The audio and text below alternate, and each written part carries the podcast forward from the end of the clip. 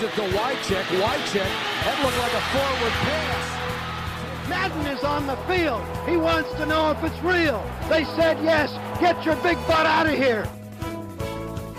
Hello? You play to win the game. Hej och välkomna till ännu ett avsnitt av veckans NFL med Mattias Olsson och Lasse Thorman. Tjena Lasse! Tjenare, hur är läget? Jo men det är bra, tycker Ja. jag. Hur är det med dig? Jo, jo, det är jättebra. Du var inte beredd på riktigt att få den, hur är läget så snabbt hörde jag. Du var snabb idag. Ja, överrumplad. Ja, man, kan alltid, man kan alltid svara att det är bra i och för sig. Standardsvar på den frågan. Ja. Nej, men jag tyckte du drog igång så snabbt med, med inspelningen här så det tog mig lite off guard. Så, eh, nej, nej. Och det är faktiskt inte så jättebra med mig. Det är, jag, jag är febrig och lite sådär. Jag vet inte om det är, om vi har någon hobbyläkare som lyssnar. För allt, det känns som allt jag, allting luktar gammal askfat här nu. Kan det vara någon form av tumör som jag har jobbat in? Det är, det, det är någonting här. Så har ni någon eh, känning på det så får ni gärna höra av er. Du menar att det har liksom satt sig på ditt luktsinne? Ja men det känns liksom som att alltid luktar jag uh, varit på folk i min närhet. Fan vad du har rökat, det luktar så in i helsike och så har du inte det. Hängt i en vecka här nu. Alltså, uh, så det, det, det, låter ju inte bra, det kan jag inte säga. Nej, jag, jag, gjorde en snabb googling, det ska man aldrig göra. Men, eh, nej, men förutom att allting luktar eh, gammal fimp så är, så är det helt okej.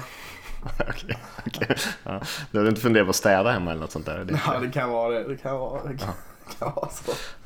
kan vara så enkelt. Kan man Ja. Eh, Vi har inte så mycket på agendan idag, eh, det, men vi- det brukar ju, eh, vi brukar kompensera med lite eh, lösa anekdoter här och där och glida iväg på lite sidospår. Men vi ska bara ta lite snabba nyheter och sen ska vi göra en liten power ranking av topplagen just nu. Eh, vi har sagt topp 10. eh, Men jag svävar iväg till 14 eller något sånt där och jag vet inte var du stannade. Men det är i alla fall tanken och sen kolla lite grann på vad som hände i veckan och och eh, nästa veckas matcher såklart. Det är ju, det är ju, känns som att vi är en del av säsongen där man kanske inte måste trycka in så mycket annat innehåll för att det är så pass mycket intressanta matcher, så mycket eh, placerings eh, grejer som händer runt om i divisionerna där olika lag är, egentligen har kniven mot strupen, kniven, kniven mot strupen här på, på, eh, i den här delen av säsongen. Känns nästan som du eh, i hela inledningen var en ursäkt att vi har klent innehåll denna vecka podcast. Kan inte avslöja Du ska inte säga sånt. det. Nej. Jag tyckte det var tydligt. Nej, vi, vi, eh, det har vi inte. Vi är fullspäckade som, som alltid. Tycker också att veckans fråga eh, är väldigt bra den här veckan. Så att, det Just det, den, den som du kom på 30 sekunder innan inspelning här. Ja, och det kan vara den Ja, bästa. så det finns, det finns gott om att sätta tänderna i. men vad ska vi börja med? Nyheter? Ja, vi, kan, ja, vi kan börja lite grann med hos eh, Jacksonville Jaguar som såklart har eh, ramlat av en klippa som man säger i, i Amerikat. Eh, och nu har de sparkat sin offensiva koordinator Nathaniel Hackett och de har också beslutat för sig för att bänka Blake Bortles och ska skicka in Cody Kessler. Och dessutom så är Leonard Fournette avstängd en match här nu eftersom han svingade nävarna lite grann i förra veckans match. Ja, fasiken. Det, den här säsongen var fasiken inte som någon trodde sig. Alltså, 3-8, vad är det man har? Sju raka förluster? Eller? Är det inte åtta raka Det förluster? kanske är åtta raka förluster till och med. Eh, sju eller åtta. Eh, riktigt illa och det är en snöbollseffekt. Och, och jag vet inte hur mycket det är Jack, eh, Hackets fel eh, att Black Bortles eh, inte kan göra någonting och, och det verkar vara totalt eh, panik där över hela. Allt som var så bra förra året, även det grymma försvaret har ju gått ner sig en hel del. Så nej, mm, gör om, gör rätt. Det är väl eh, mantrat i Jacksonville nu. Hitta en ny QB borde ju vara agenda, borde varit agendan för ett par år sedan men ja. Ja, eh, det var sju, du hade rätt där. Men eh, hacket Hackett åker ju ut lite grann med, eh, med med smutstvätten höll jag på att säga. Något sånt där. Det är ju inte riktigt hans fel att de inte har presterat. Det stora problemet är ju som du säger QB, att man inte har en QB som kan genomföra ett, ett ordentligt professionellt anfall egentligen. Blake Bortles kan spela bra i perioder, men det krävs ju ofta att han springer bollen rätt mycket. Eh, och han, har ju, han missar ju mycket kast och såna här grejer. Och nu Cody Kessler som får komma in här kommer ju inte göra någon skillnad tror jag. Eh, dessutom utanför net där i första matchen, en ny offensiv koordinator då och, och Kessler känns som att han har kom inte in i några sådana här situationer. Det var väl i Browns han kom in också när det, när det var så totalt liksom, när man var nere på botten. Så bara Ja. nu Cody ska du få chansen här och visa vad du går för. Och det är en lika hopplös situation nu såklart eh, för stackars Cody Kessler. Men ja, ja. Ja, det är lite två eh, alltså, tydligheter som möter varandra här. Jag har ju varit skeptisk flera gånger och, och det är jag inte ensam om att eh, tålamodet är väldigt kort med nya quarterbacks. Man får liksom inte chansen att eh, bli bra och visa upp sig. Men det kan ju ingen vettig människa säga om Blake Bortles. Han har ju verkligen fått chansen att bli bra och inte tagit den.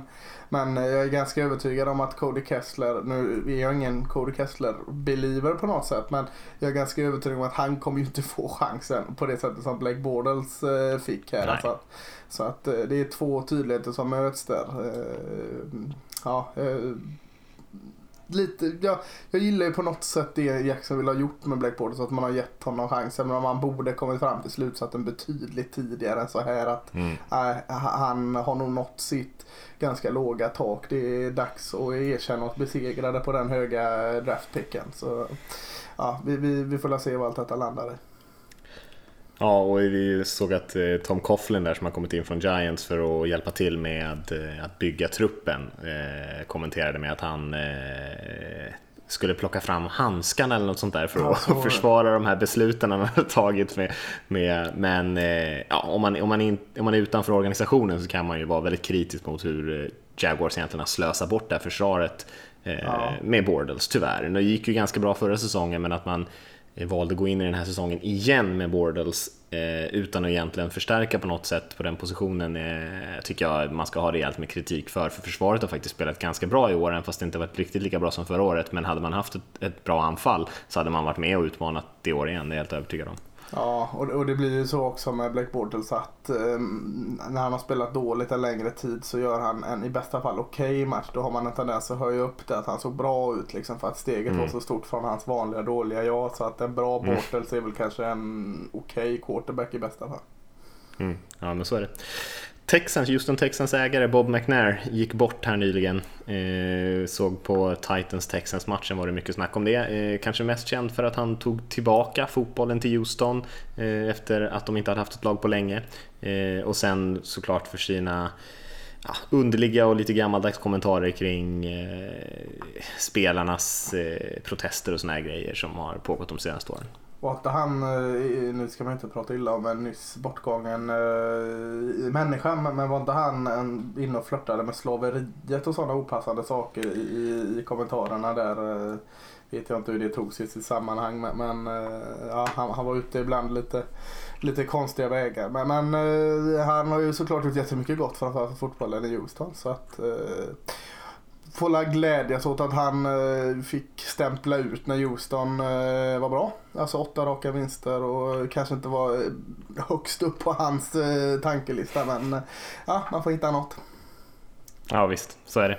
Och du var ju inne på det där, du var ju gamla, innan vi började spela in ett gamla Tennessee, eller gamla Texans, Houston, gamla Houston-laget ska man säga, Oilers som, som till slut hamnade i Tennessee.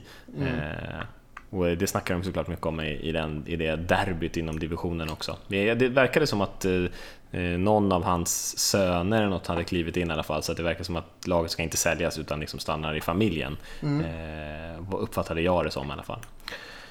Vi har haft lite skador också runt om i ligan. Eh, Melvin Gordon har ju någon typ av eh, skada eh, på sitt knä. Vi vet inte riktigt hur allvarligt just nu. Andy Dalton, quarterbacken i Bengals, till injury reserve, vilket betyder att han troligtvis inte kommer spela mer i år, eller han kommer inte spela mer i år. Men det spelar inte så stor roll för Bengals som vars säsong liksom är bortkastad redan. Ja, eh, nej precis. Eh, vad är då Melvin Gordon som eh, hade en trög start på sin NFL-karriär, tycker jag väl att han hade kan man säga. Ja. Eh, som ändå har kommit igång. Eh, kanske inte är topp 5 running back av alla men eh, har ändå sprungit för en eh, 9-10 touchdown säkerligen i år och är väl inte allt för långt från 1000 yard. Han har alltså haft en riktigt fin säsong. Så att, synd för honom när han äntligen liksom har kommit igång och levererat. Var ju även bra i slutet av förra året om jag minns rätt. Men eh, betyder nog en hel del för, för Chargers som eh, jag vet inte om det är bara att vi fokuserar på det men det känns alltid som de får taskiga skador i helt fel tillfälle. Lite så. Ja. Eh, förhoppningsvis är det inte så allvarligt att han kommer tillbaka och kan avsluta säsongen. Men Ja. eh, det får vi väl se lite grann. Om det, det pratade om en MCL, att han hade dragit till den på något sätt. Och det behöver ju inte betyda att man är borta resten av säsongen. Man kan ju missa några veckor. Och nu är det ju väldigt viktiga veckor här för, för Chargers eh, framför sig. Och som du säger, han har haft en riktig genombrottssäsong. Jag tror han har ökat sitt snitt med nästan en och en halv yard per försök och någonting. Och det är såklart mycket med att göra att man har mycket bättre offensiv linje också i, i Chargers än vad man har haft på länge. Mm, absolut. Ska vi hoppa och säga några ord om vecka 12 kanske Lasse, eh, som nyss har spelat. Den eh, känns som en väldigt lång vecka såklart, för det började ju med Thanksgiving-matcherna som börjar väl bli lite väl dammiga vid det här laget, nu när vi sitter och spelar in här på tisdagskvällen. Eh, men jag tycker det var några grejer som stod ut. Eh, det har varit mycket snack om det här med konservativa coacher eh, och de har fått ganska mycket kritik, de som inte har vågat gå på fjärde och puntat från motståndarnas planhalva och såna här grejer. Och eh, de fortsätter att torska matcher på det sättet. Adam Gaze i Dolphins var en av dem som, som sprang bollen mot Colts på tredje och elva eller något sånt där tror jag det var.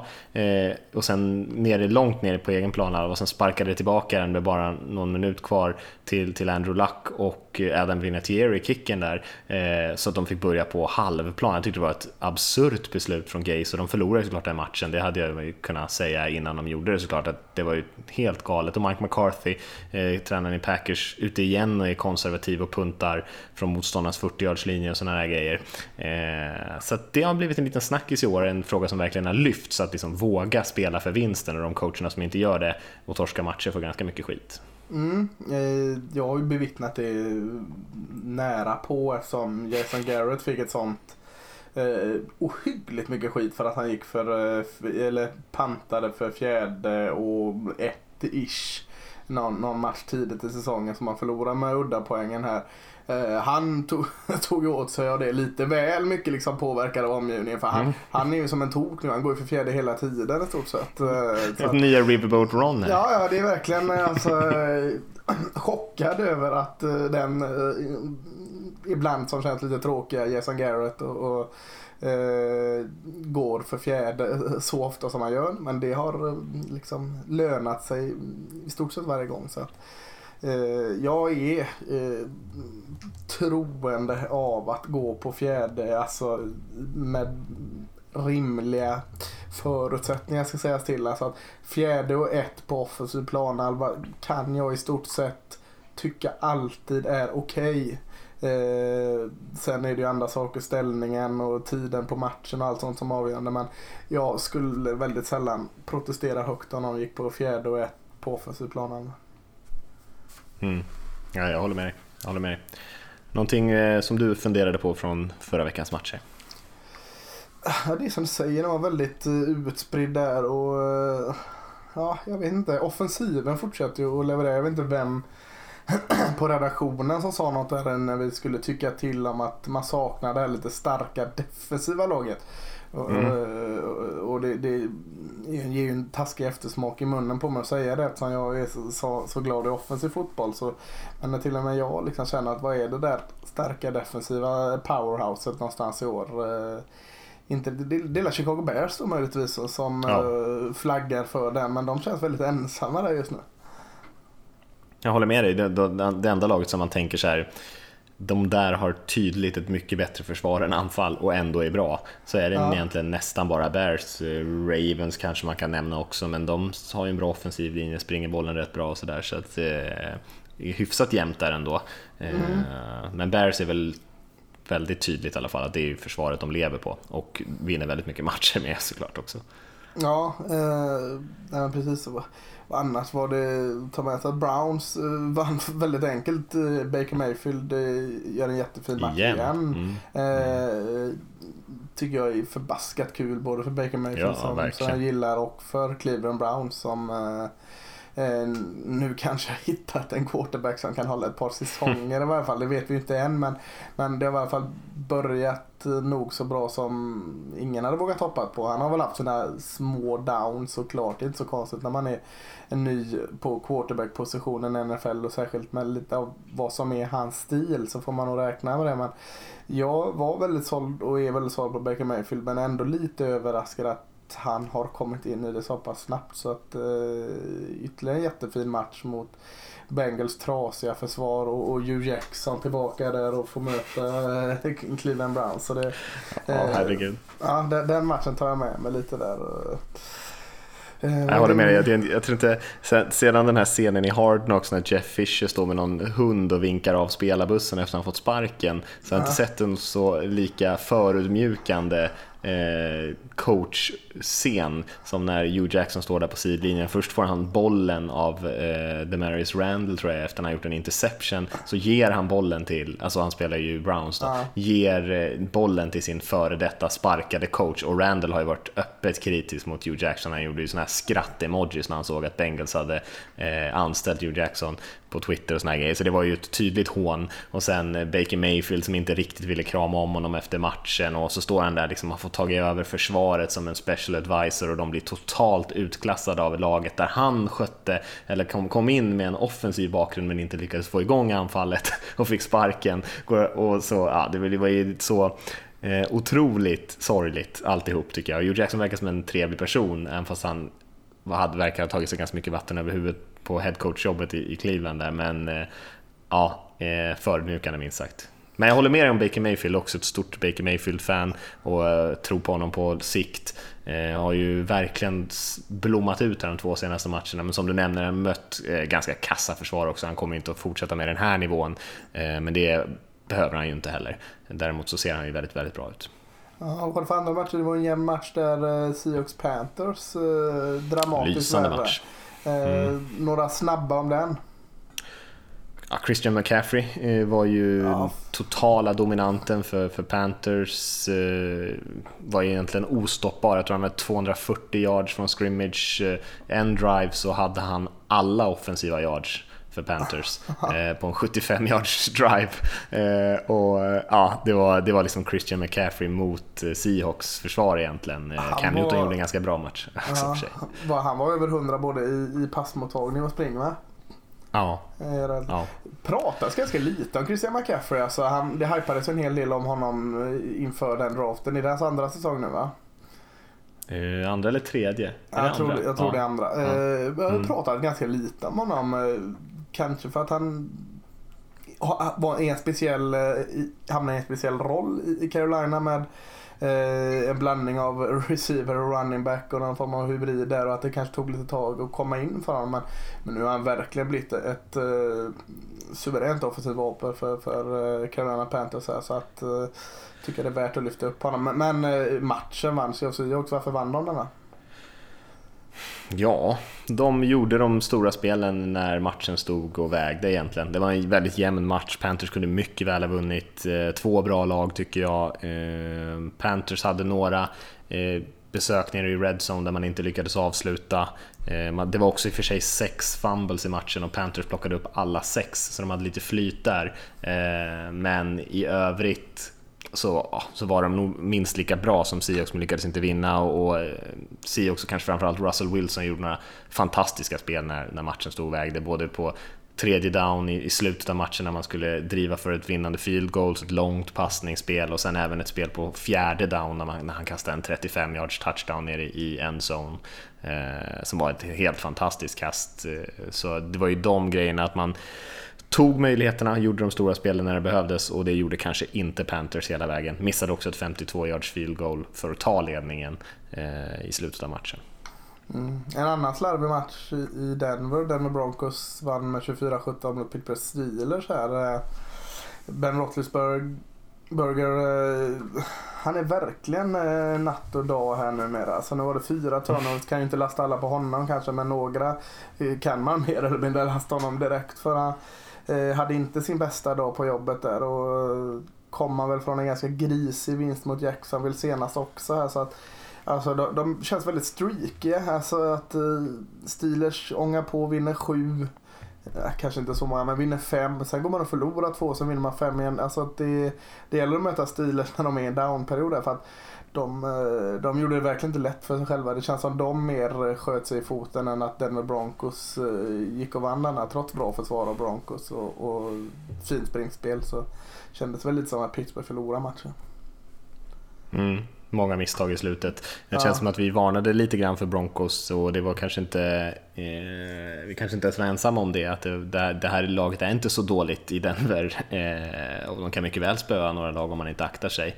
Eh, jag tycker en annan grej som kännetecknade veckan som helhet, det var väl eh, quarterback som hade i stort sett perfekt statistik eh, och på vissa håll så var det väldigt talande och betydde ganska mycket och, i andra matcher så var det helt eh, alltså lögnaktig statistik som egentligen inte visade alls om de spelade bra eller inte. Jag tänker på Cam Newton spelade bra mot Seahawks, hade 12 av 12 för att inleda matchen.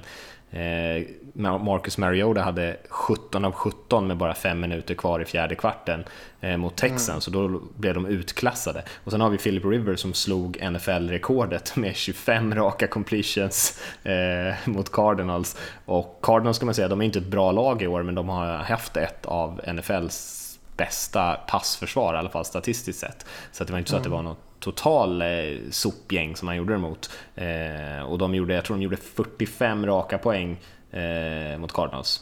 Och, så att eh, det, River spelade ju verkligen bra.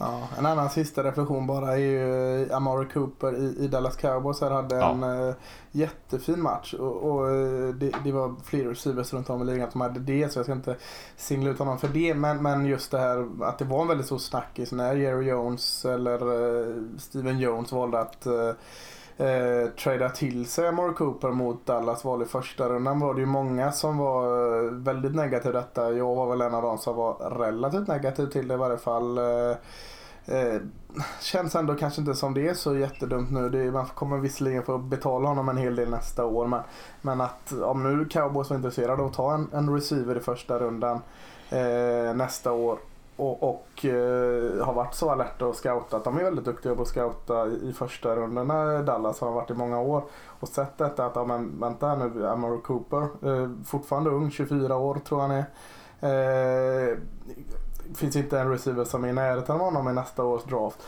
Vi tar honom, visserligen får vi betala 15 miljoner för honom eller 14 eller vad det kan vara. Så det kanske inte var ett så jäkla dumt byte ändå med, med facit i hand. För inte bara att eh, Amaro Cooper hade den här matchen, han var bra. Nu har han spelat här fyra, fem matcher i Cowboys och, och de har verkligen liksom gått upp en nivå eh, sen när Mark Cooper har kommit. Det betyder att han kan stretcha ut planen, Zeke Elliot får mer hål att springa i, offensiva linjen och börjar funka bättre. Så att, nej, jag börjar mer och mer tro att det här var riktigt ett bra eh, drag av, av Cowboys. Ja, eh, det var väl lite slumpigt kanske de här stora spelen som han hade senaste Ja, veckan. ja, men men jag precis. tror ändå att bara, bara att han hade de stora spelen är, är ändå värt mycket. För jag tror att många av Cowboys framtida motståndare har ju såklart sett den här matchen och ser vad han är kapabel till att göra. Och bara det tror jag kanske kommer kunna öppna upp lite grann för Elliot och sådär i springspelet. Så att, eh, även fast det, det blev kanske lite, lite väl många yards kanske, eh, som kanske blev lite, lite, ser lite bättre ut än vad det kanske egentligen var, så, eh, så är det nog ändå viktigt för Cowboys anfall att bara visa att man har den där potentialen, man kan liksom slå dig med, med passningsspelet. Och ja, Amari Cooper är en bra spelare, så att, eh, han har spelat bra. Eh, sen, men sen blev det ju ganska sjuka stats här senast. Ja, absolut. Eh, har vi något mer att säga om den veckan där som var? Nej, vi ska väl inte haka upp oss från allt för länge. Så nej, jag har inget direkt mer att siga om den. Nej. Eh, och vi nämnde ju Browns där alltså, och eh, jag twittrade ut att, att Browns officiellt in, längre inte är Browns inom citattecken. Eh, det här gamla eh, episkt sopiga gänget som vi, har, som vi har sett i många år. Nu sitter de ju på samma record som Green Bay Packers, Jaguars, Atlanta Falcons, lag som har gått långt i slutspelet de senaste åren, även fast Packers missade Ja. i fjol. Eh, och då hade du en liten tanke. Ja, men jag tänkte att vi har ju, får ju gå tillbaka till veckans fråga som vi inte har haft på ett par veckor nu, slarvigt av oss. Så, så veckans fråga här är ju egentligen vilka är de nya Cleveland Browns? Och vi är lite olika, vi är inte riktigt ensamma om kriterier här nu. Alltså, Mattias här tyckte att om man kollar framåt i tiden, vilka kommer ha eh, rada upp losing record, losing record, losing record. Och där det egentligen inte finns något hopp om framtiden här just nu. Alltså, och jag var lite mer att eh, ja, man ska inte ha någon direkt eh, framgång och luta lutar sig ett, ett par år tillbaka. Vi dividerar om Arizona Cardinals här, som var bra för bara några år sedan. Och, och ska de räknas in eller inte? Men, men vi ger det hyfsat fria tyglar här vilka som kan vara eh, nästa eras Cleveland Browns. Och ett av svaren kan ju såklart vara Cleveland Browns. Vi, vi får ju inte vara så dumma att vi, vi tar bort de här. Men, eh, vi var lite sugna på att göra The Battle of New York här. New York Giants och New York Jets lägger vi upp som någon form av frontrunners här. Eh, har ju ganska mycket att stå i. Eh, Jets har ju visserligen en ung Sam Darnold här men de har inte gjort sitt yttersta för att eh, sätta honom i en perfekt situation och vi har sett eh, dåliga offensiva linjer och dåliga eh, eller mindre bra tränare eller system förstöra betydligt bättre quarterbacks innan. Så att, ja, eh, veckans fråga, vilka blir nya Cleveland Browns här? Alltså ett lag som det ser mörkt ut för framtiden. Mm. Eh, och med det så kanske vi ska hoppa till toppen av eh, NFL-hierarkin just nu. Eh, från botten till toppen? Att, nej, inte från botten till toppen. Eh, jo, men, jag men tänkte... nya Browns från botten till toppen. Får ju hänga med på övergångarna nu Mattias. Ja, nu är jag med. Nu är jag med. Ah, ah. Men jag tänkte, jag tänkte inte sätta Browns högst upp på den här listan. Nej. Eh, men vi sa att vi skulle power-ranka typ de tio första lagen. Eller något sånt där. Eh, som vi ser dem just nu, du och jag. Och då har vi ju inte samma lista nödvändigtvis kanske. Men den är, de är säkert hyfsat lika. Får man ju hoppas i alla fall. Ja, du var nere på 15 lag. Jag kan inte ens få ihop 15 bra lag i NFL just nu.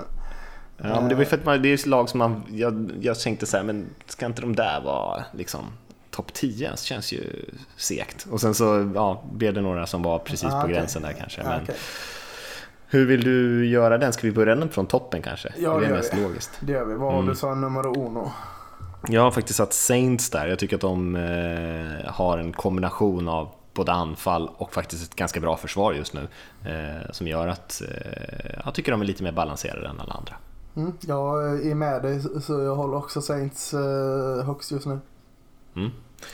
Har du på, två, på andra platsen? Tvåan har jag de som jag tyckte var utmanarna. Det är Los Angeles Rams. Eh, ingen jätteöverraskning direkt. Har precis som Saints två fungerande enheter men eh, ja, jag tycker inte riktigt de känns på samma nivå som Saints nu. Men det är lite slantsigningar också. De är Eh, de är fantastiskt flyt här just nu och allt verkar funka och med tränare och hela balletten så att jag är trygg med Rams som tvåa. Jag har också satt Rams som tvåa eh, och det är väl kanske också för att de har jag har börjat vackla lite grann faktiskt. Det är mhm, tajtare mhm, mellan min mhm. tvåa och trea än min etta och tvåa. För att jag tycker att Rams som ändå på pappret har ett väldigt bra försvar mm. börjar jag nog kanske tycka att de inte alls har ett bra försvar, men de har några bra försvarsspelare. De har spelare som Aaron Donald som är riktigt, riktigt bra. Eh, sagt det många gånger, bästa försvarsspelaren i NFL. Men eh, ja, på något sätt så blir de ju överkörda av lag på löpande band och då kan man ju inte riktigt stå fast vid att de skulle ha ett jättebra försvar längre. Utan det, eh, de liknar kanske de som jag har på nummer tre och det är ju Kansas City Chiefs eh, mm. som också har ett fantastiskt anfall och sen kanske några, några bra försvarsspelare men på helhet kanske inte ett jättebra försvar. Mm, jag har New England Patriots som trea faktiskt. Mm, eh, jag valde mellan att tro på dem väldigt mycket som man ofta gör eller att eh, sälja ut dem helt här. Jag, jag, vill inte ta något mellanting med Patriots. Jag, jag, jag tog det fega valet att tro på Patriots igen. eh, det känns som de eh, börjar komma igång allt mer och mer nu. Nu är dessutom Rex Burkhead på väg tillbaka från skada så då vet man ju att de har en växel till att lägga i. Eh, nej men eh, mer seriöst, alltså New England Patriots offensiva linje pratas det väl kanske en del om. Jag tycker det kan pratas ännu mer om den. Jag har inte sett den så bra i New England som jag gjort i år. Och eh, med den, alltså någon diskussion sa ju att Sonny Michel, running backen här, skulle nämnas som offensive rookie of the year och då kontrade du ganska snabbt och sa ja men kolla de hålen han springer i. Och då fick jag illa kvickt backa och säga att ja det, det har du helt rätt i. Alltså, den linjen gör sådana enormt fina hål till eh, Sonny Michel och, och Eh, vem det nu må vara där just nu så att ja, kan man bara putsa på ett par detaljer som jag vet att man kan och det är väl alltid så med New England Patriots att de har alltid någon enhet som inte är helt eh, fläckfri men fungerar deras eh, viktigaste enheter så är de eh, ett Super Bowl-lag. Jag håller med dig, alltså, de har ju inte spelat riktigt upp till den eh, placeringen än. Nej. Men jag har dem nummer fyra. De, ja. de är ju Belichick och Brady ändå. Eh, jag tror att det de lagen som kommer vara kvar här i slutet, det är inte Bears, hur mycket jag än gillar dem, utan det är de här anfallen som kan göra 40 poäng i slutspelet. Och eh, det är bara ett fåtal lag som enligt mig kommer kunna göra det. Och jag tror att Patriots mycket väl kan göra 45-50 poäng om de skulle behöva eh, mot ett Chiefs-försvar om det nu skulle bli en sån matchup i AFC. Och eh, ja, även fast de inte har sett helt klockrena ut, och det är ofta så med Patriots, det blir liksom bättre och bättre tills, det, tills vi landar i Super Bowl där. Och jag tror att de kommer kunna växla upp och spela riktigt bra här på slutet. Ja, och för att förtydliga här då med vår power ranking. Det är ju inte hur de har sett ut de 10-11 första matcherna på säsongen här utan vad vi tror de ska komma in här i sista slutspurten. Hur, hur, liksom, mm. hur redo de är för att ta kampen. Så hade jag summerat Patriots första eh, 10-11 matcher där så hade de legat lägre. Men jag tror de håller på att växla upp så eh, bara vi förtydligar det där. Chiefs är min fyra också, eller min fyra, det var din trea. Eh, galet, eh, galna Chiefs. Eh, är ju svårt att inte ha högt och Eh, de har bra tendenser för sitt försvar. Det är bara att, eh, ja, möjligtvis att de är lite som Rams, som du säger där. Alltså att eh, ett par spelare som spelar väldigt bra och, och det känns som ett lag som funkar så bra offensivt och har ändå tendenser på defensiven. Det finns fulla möjligheter att de kan steppa upp det lite till och då, då tror jag liksom att de är här uppe ändå och ska vara där. Så, så fyra på Chiefs.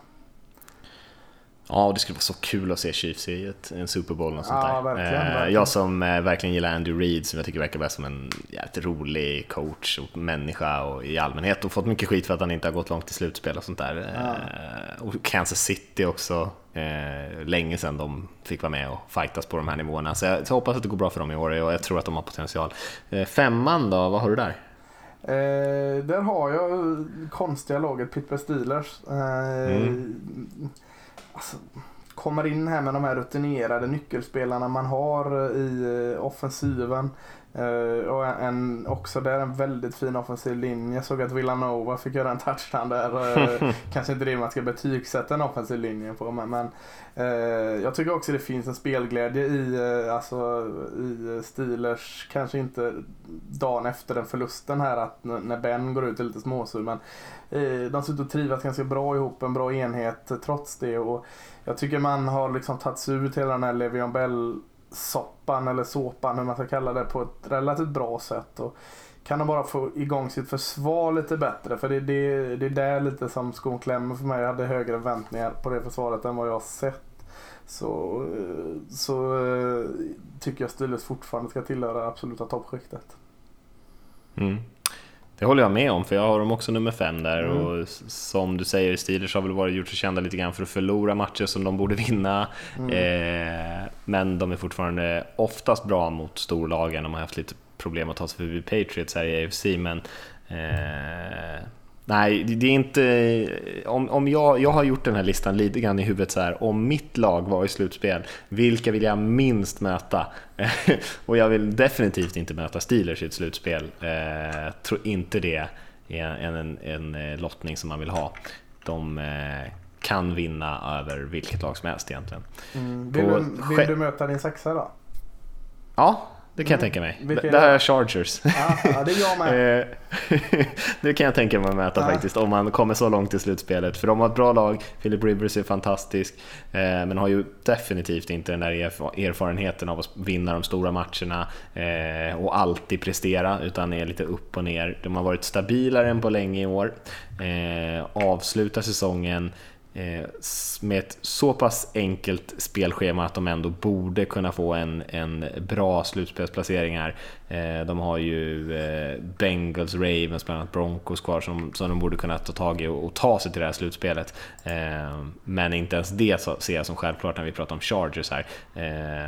Men jag tycker de är ändå, ändå så pass bra att de liksom har gjort sig förtjänta av en sån här placering, men ja, Ja, jag har dem också som sexa och jag håller med allt du säger. Och kanske, och det är bara kanske, om det inte hade varit att de ibland gör sådana konstiga fadäser så skulle jag lägga till det här som mitt andra lag med Chicago Bears som har ett starkt, alltså ett eh, försvar som är eh, att liksom luta sig emot. Men samtidigt har de en så bra fungerande offensiv när Rivers är igång så, så de, de får vara med på kanske-listan där med. Men, eh, nej men Chargers är min sexa med.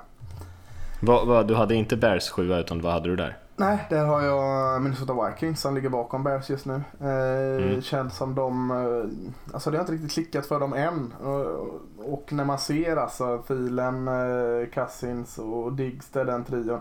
Nu har Cook börjat komma igång och springa riktigt bra med bollen. Eh, försvaret väntar man bara på att det liksom ska steppa upp och bli så bra som, som det har all potential i världen att vara. För jag tycker inte det har varit det heller riktigt. Eh, så, och det tror jag lite att det kommer göra och då räcker det för mig till att komma sjua. Jag har Vikings på åttan och så har jag faktiskt satt Bears där på sjuan. Ehm, jag tycker de har spelat till en sån, sån position och nu börjar vi liksom se deras försvar ha spelat så pass bra i så många matcher att man måste kunna säga att det här är någonting som vi kan lita på att de ska hålla den här nivån. Men samtidigt möter de ett av de här anfallen som har gjort massor av poäng. Jag var tvungen att kolla upp deras spelschema här nu. De stängde i och för sig ner ett Buccaneers som, som var rätt heta eh, när de slängde upp en massa turnovers och grejer. Men annars, de har liksom spöat Seahawks, Cardinals, Bucks, eh, de har spöat Jets, Bills, Lions två gånger och sen den här Vikings-matchen då. Och det är alla vinster de har. De har inte riktigt blivit prövade mot det här explosiva anfallet i år. Mm. Eh, och jag tror att det kommer bli väldigt, väldigt svårt för dem, eh, på gränsen till omöjligt, att vinna över något av de här översta fem lagen i den här rankingen egentligen. Eh, allt, alla under kan de slå, men eh, de här topp top fem här tror jag de kommer ha mycket svårt att besegra. Jag håller helt med dig. Jag har ju dem som min åtta då och, och försvaret är det som gör att de ligger som åtta. För jag tycker fortfarande det finns ganska mycket saker i deras offensiv som inte är där det borde vara. Eh, man har tendenser och man, man har blixtrat till med bra springspel emellanåt. Man blixtrar till med en eh, QB Trubisky som eh, löser saker men inte riktigt kanske som man önskar att han ska lösa saker. Eh, man har eh, receivervapen men man kanske inte riktigt får ut allt av dem än. Så att de lever mycket på sitt försvar och eh, jag köper helt det du säger att jag, jag ser inte heller att de slår de här större lagen ovanför dem men att de, de är på den nivån nu att de är så säkra med sig själva att de slår i stort sett alla jämnbra och sämre lag. Mm. Då är vi nere på, jag hade Vikings på åttan då, ja, vad hade du på åttan? Och du ja, hade Bears där? Bears där, alltså nian, din nia. Ja, där har jag Seahawks faktiskt. Eh, mm. Homer, Homer-valet här. Eh, nej, men det, jag tycker att de är värda den placeringen. De har spelat ganska bra på senaste tiden, eller har spelat bra på senaste tiden. Bättre och bättre. Och också ett sånt där lag som man kanske inte vill möta i ett slutspel egentligen. De har spelare som vet hur man vinner de här stora matcherna, eh, har många duktiga spelare i truppen. Samtidigt lyckas inte riktigt sakta ner många anfall de har mött, men då har man istället kunnat göra ganska mycket poäng. Men eh, ja, det bygger ju på att man sätter de här stora spelen och att mycket av de här grejerna eh, ja, liksom, vad ska man säga, att det går deras väg med några av de här 50-50 spelen, för det är ju lite så man spelar i Seattle just nu, eh, men det har man gjort i många år. Så att, eh, nej, jag skulle kanske inte vilja möta dem om man nu ser till några av de här lagen som, lite, lagen som ligger lite längre ner i rankingen i ett eventuellt slutspel. Och därför är de lite läskiga. Eh, och det börjar bli lite, bland de här lagen som är här nere, då är alla har sina svagheter. Så jag valde ändå att lägga dem där. Ja, eh, jag vet inte, Seahawks är inte med på min topp 10-lista. Men ja, nu la jag till en liten skratt även om för att du är på Seahawks. Jag kan, jag kan ändå, ändå köpa att du har dem där. Eh, men, men de är så svåra för att det känns som alla deras matcher avgörs på en field goal eller en poäng eller en touchdown. Alltså både deras vinster och deras förluster och alltså jämt. De måste ha eh, Eh, det är förutsättningarna och den där lilla flyten på sin sida. Är den med eller mot Seahawks här nu någon gång i slutskiftet tror jag avgör allting. För det känns verkligen som att varenda jäkla match Seahawks har spelat, det var något undantag när de mötte Raiders där men ska inte räknas in direkt. Så, så har det varit så här nagelbiter i stort sett varje match. Och, mm. ja, det Ja, jag, Men samtidigt, de är svåra att dra ifrån vet du. De, Ja, det är, svårt att vet. få ett stort Precis, överläge och då är de giftiga i slutet. knä ut matcherna. Eh, de är lite som cowboys. Eh, så nej, de får inte vara med. Min, vad var det, nia? Eh, min nia Ah, är. Houston Texans. Jag är inte riktigt bekväm med den nia, men, men vad fan ska man ha åtta raka vinster? Eh, Mm. Dishon Watson kanske inte gör det snyggast jämt men eh, är ju effektiv med det han gör. Försvaret spelar just nu på en väldigt bra nivå tycker jag. Framförallt eh, deras front seven här.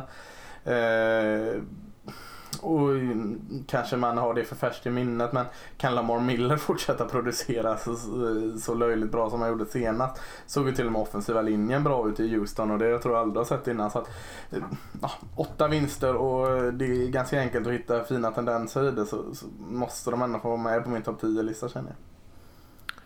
Ja, jag kände inte så för jag har inte med dem där faktiskt. Nej. Eh, Men jag har dem ganska tight därefter. Jag har Ja. lagt in Panthers på nummer 10. Ehm, lite samma sak som Seattle är också ett lag som är ganska svåra att slå. Jag tror att de hade vunnit mot Seahawks om de hade haft Dante Jackson, eh, sin eh, sensationscorner där, utan fick spela reserver egentligen eh, som tillåt de här, tillät alla de här stora spelen.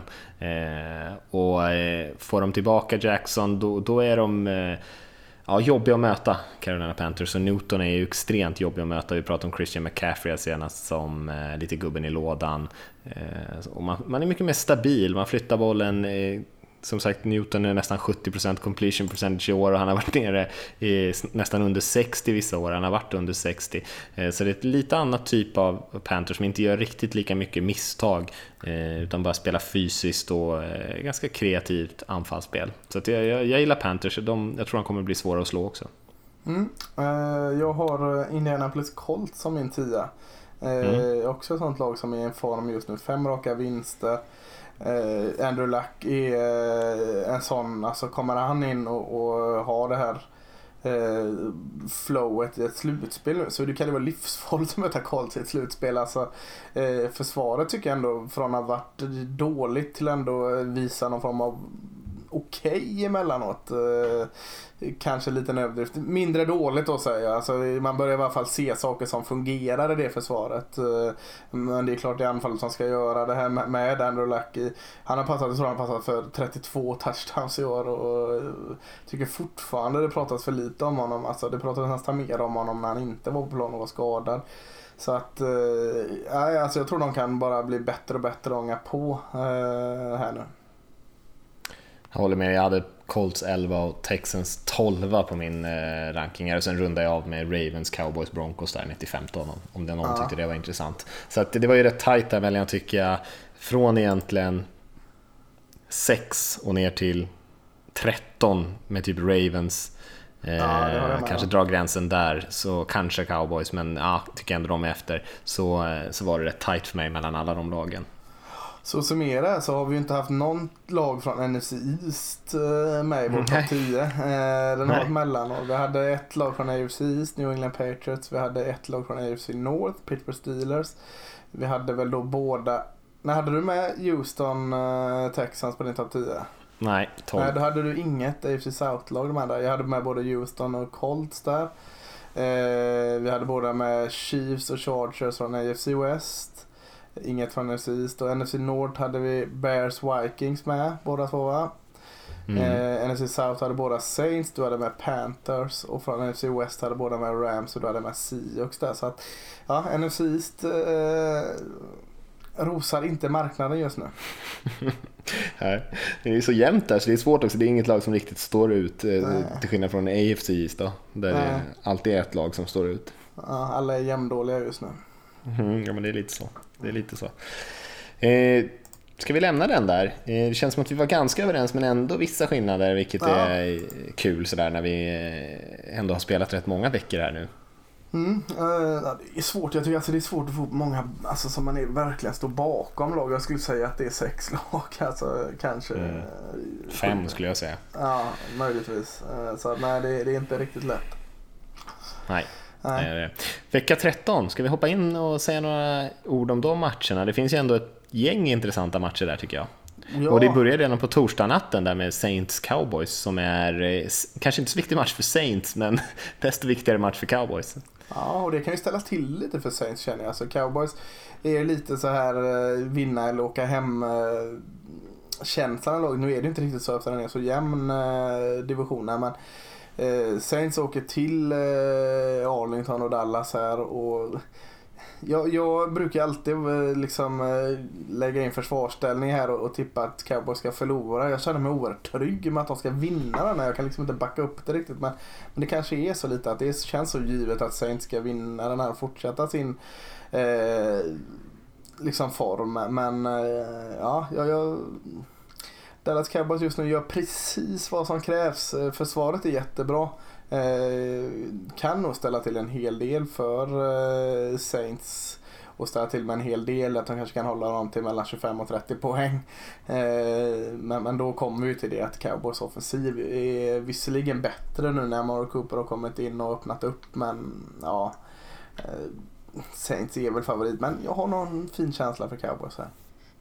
Mm, ja, men Saints har ju några matcher sådär per säsong tycker jag när de inte riktigt spelar så ja. bra som man, eh, som man tycker att de borde göra och eh, då har nog Cowboys en chans. Det, det blir en intressant matchup tycker jag mellan Saints som jag tror är NFLs bäst rankade springförsvar eh, mm. just nu mot eh, Cowboys som såklart lutar sig väldigt mycket på, på Elliot och även eh, lite Dak, Dak Prescotts rörlighet. Mm. Så eh, det blir en intressant matchup att se om Dak kanske måste kasta bollen lite mer i den här matchen. Och om det kanske blir ännu en fin dag för Amari Cooper. För jag tror ändå det går att plocka upp lite yards mot det här Saints passförsvaret. Men det gäller ju såklart att sakta ner Breeze om man ska ha en chans och det är väl kanske den stora utmaningen. Han är ju så otroligt klinisk mm, för det mesta. Ja, verkligen. verkligen. Eh, vad har vi mer för matcher på söndagen? Här? Det är ganska många som, i varje fall minst ett lag, inte är med i matchen. Mm. Någon av sju matcherna du skulle vilja rulla in lite extra på och kolla? Broncos Bengals det känns ju inte...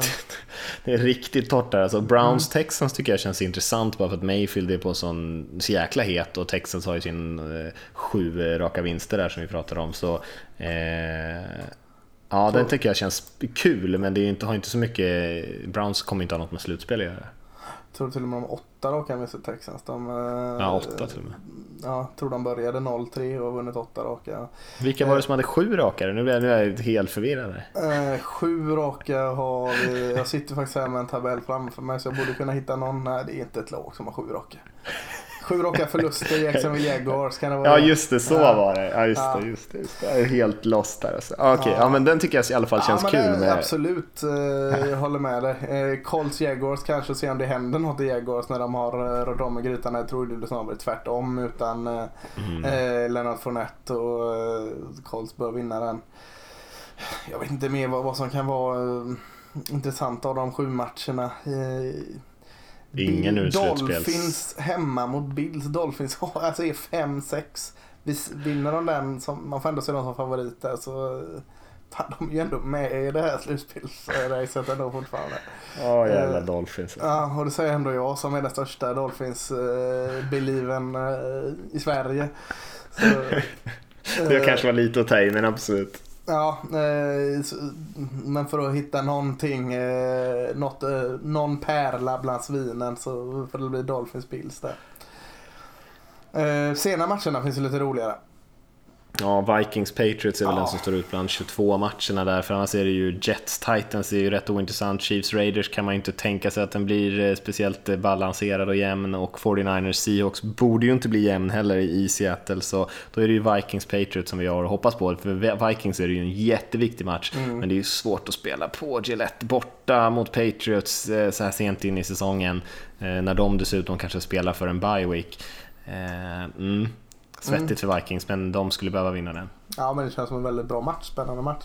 Mm. Eh, sen har vi ju senare matchen där det är ju riktigt fin. Eh, Chargers, eh, Chargers åker och möter Steelers. Eh, 8-3 Chargers mot 7-3 Steelers. Den känns ju som en eh, veckans höjdpunkt.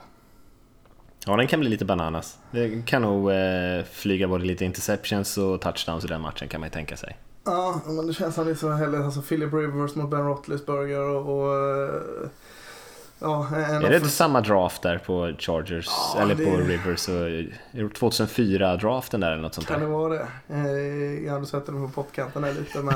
Eh, Ska jag googla?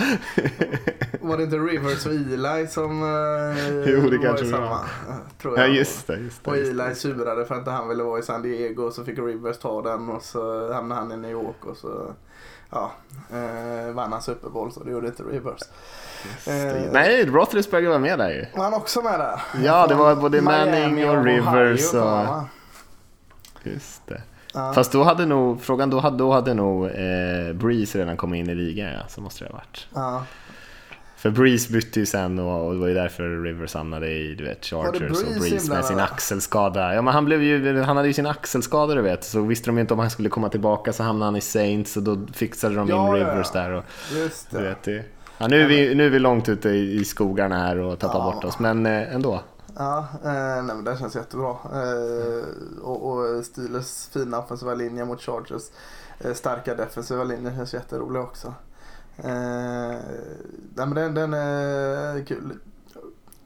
Måndagsmatchen känns ju också jätterolig. Alltså, det kanske inte är de två bästa lagen just nu men den är jätteviktig. Nej, jag tyckte det. Du kanske tog i lite där, men den är ju viktig för slutspelsracet. Ja, Eller? den är jätteviktig. Det är Washington Redskins mot Philadelphia Eagles. Och Philadelphia Eagles som är 5-6 och inte borde vara med i det här slutspelsracet. Det är ju egentligen alltså skulle Saints gå och vinna mot Cowboys, vilket eh, är en stor risk eller chans hur du väljer att se på det. Eh, så ju, och Eagles vinner mot eh, Redskins hemma, vilket de ändå bör göra med, med Colt McCoy som startar där. Eh, och en del andra frågetecken. Så är alla de tre lagen på 6-6 här. Så att eh, vi kan göra, även om eh, divisionen är ganska eh, nere just nu så kan det bli en jäkla spännande avslutning om alla de tre ligger på 6-6 i alla fall. Ja, verkligen. Nej, jag håller med dig. På, det, på, på så sätt är det ju väldigt spännande. Men eh, veckans match får ändå bli den här Chargers Steelers känner jag och eh, med konkurrens med Vikings Patriots. Eller har du någon annan? Jag tycker det är en ganska torftig vecka. Ja, nej, men det är nog de. Jag vet inte varför det är så mycket bottenlag som har matchats upp här. Matchats upp nu är riktigt på svengelska här. vet, Som det är, vet som, de ju inte innan. De vet ju inte innan att, att uh, 49 Nej, det är ska vara inte. 2-9. De tänker att Garoppolo har frälst dem där och så är det en riktig toppmatch mot. Faktiskt. Ja, så, och, och, Det är sant, det är sant. Och vecka 13 kanske inte är den med veckan där man vill ha alla heta matchups heller i och för sig. Nej. nej. Eh, nej men det är väl lite eh, baksmälla efter en eh, lång och utdragen Thanksgiving-helg med eh, både skitmycket olika dagar NFL-fotboll men även alla de här rivalmatcherna som var i college som, som eh, väcker en ännu större publik för collegefotbollen än man brukar göra. Så, så kommer Mm. den här lite som en, som en baksmälla. Ja, lite som bra matcher var det ju också faktiskt om man ska vara riktigt ärlig. Eh, ja, men då eh, kanske vi ändå ska ta och börja runda av den här podden. Vi kan väl eh, hinta lite att det förhoppningsvis kommer ut lite spännande nyheter här någon gång i den här veckan eller i nästa vecka som ni absolut inte ska missa. Så häng med på sociala medier och sådär. Och sen så kan vi tipsa om våra andra poddar också. Veckans College såklart som du roddar med Magnus Adolfsson, Lasse. Om man vill hänga med i colleget som börjar också dra ihop sig här nu. Viktiga, många viktiga matcher. Och sen självklart också eh, våran dokumentärpodd, NFL Supporter Dokumentär. Det senaste avsnittet om eh, USFL där. Och eh, de äventyren. Så det kan man ju kika in också, så man inte missar det. Vi kan även ta äran på lite andra poddar, jakt och fiskepodd och eh, vad som nu kan finnas, hur man binder en fluga-podd och allt sånt där. Vi har allt i, i, i vårt stall. Har vi ingen bourbon-podd i, i redaktionen? Det känns som Ja, att det är jag och någonting Per borde kunna köra en. Jag kan sitta och, Ja, och eh, berömma Jim Beam och så kan Per sitta och, och eh, frusta och lyfta fram eh, Poppa fram Winkel. Det känns väldigt bra för ljudmediet här, här också. Ja. Mm, nu smakar jag Ja. här. Mm, jag känner dofter av torkad aprikos eller vad fan det nu smakar bourbon. Ja. Nej, men vi kanske ska säga så Lasse som sagt och eh, svara på vår fråga där och om vilka som är det nya Browns eh, i det. Men annars får ni väl njuta av matcherna som vanligt och så får vi höras igen i nästa vecka helt enkelt. Så eh, ha det bra allihop. Ha det fint.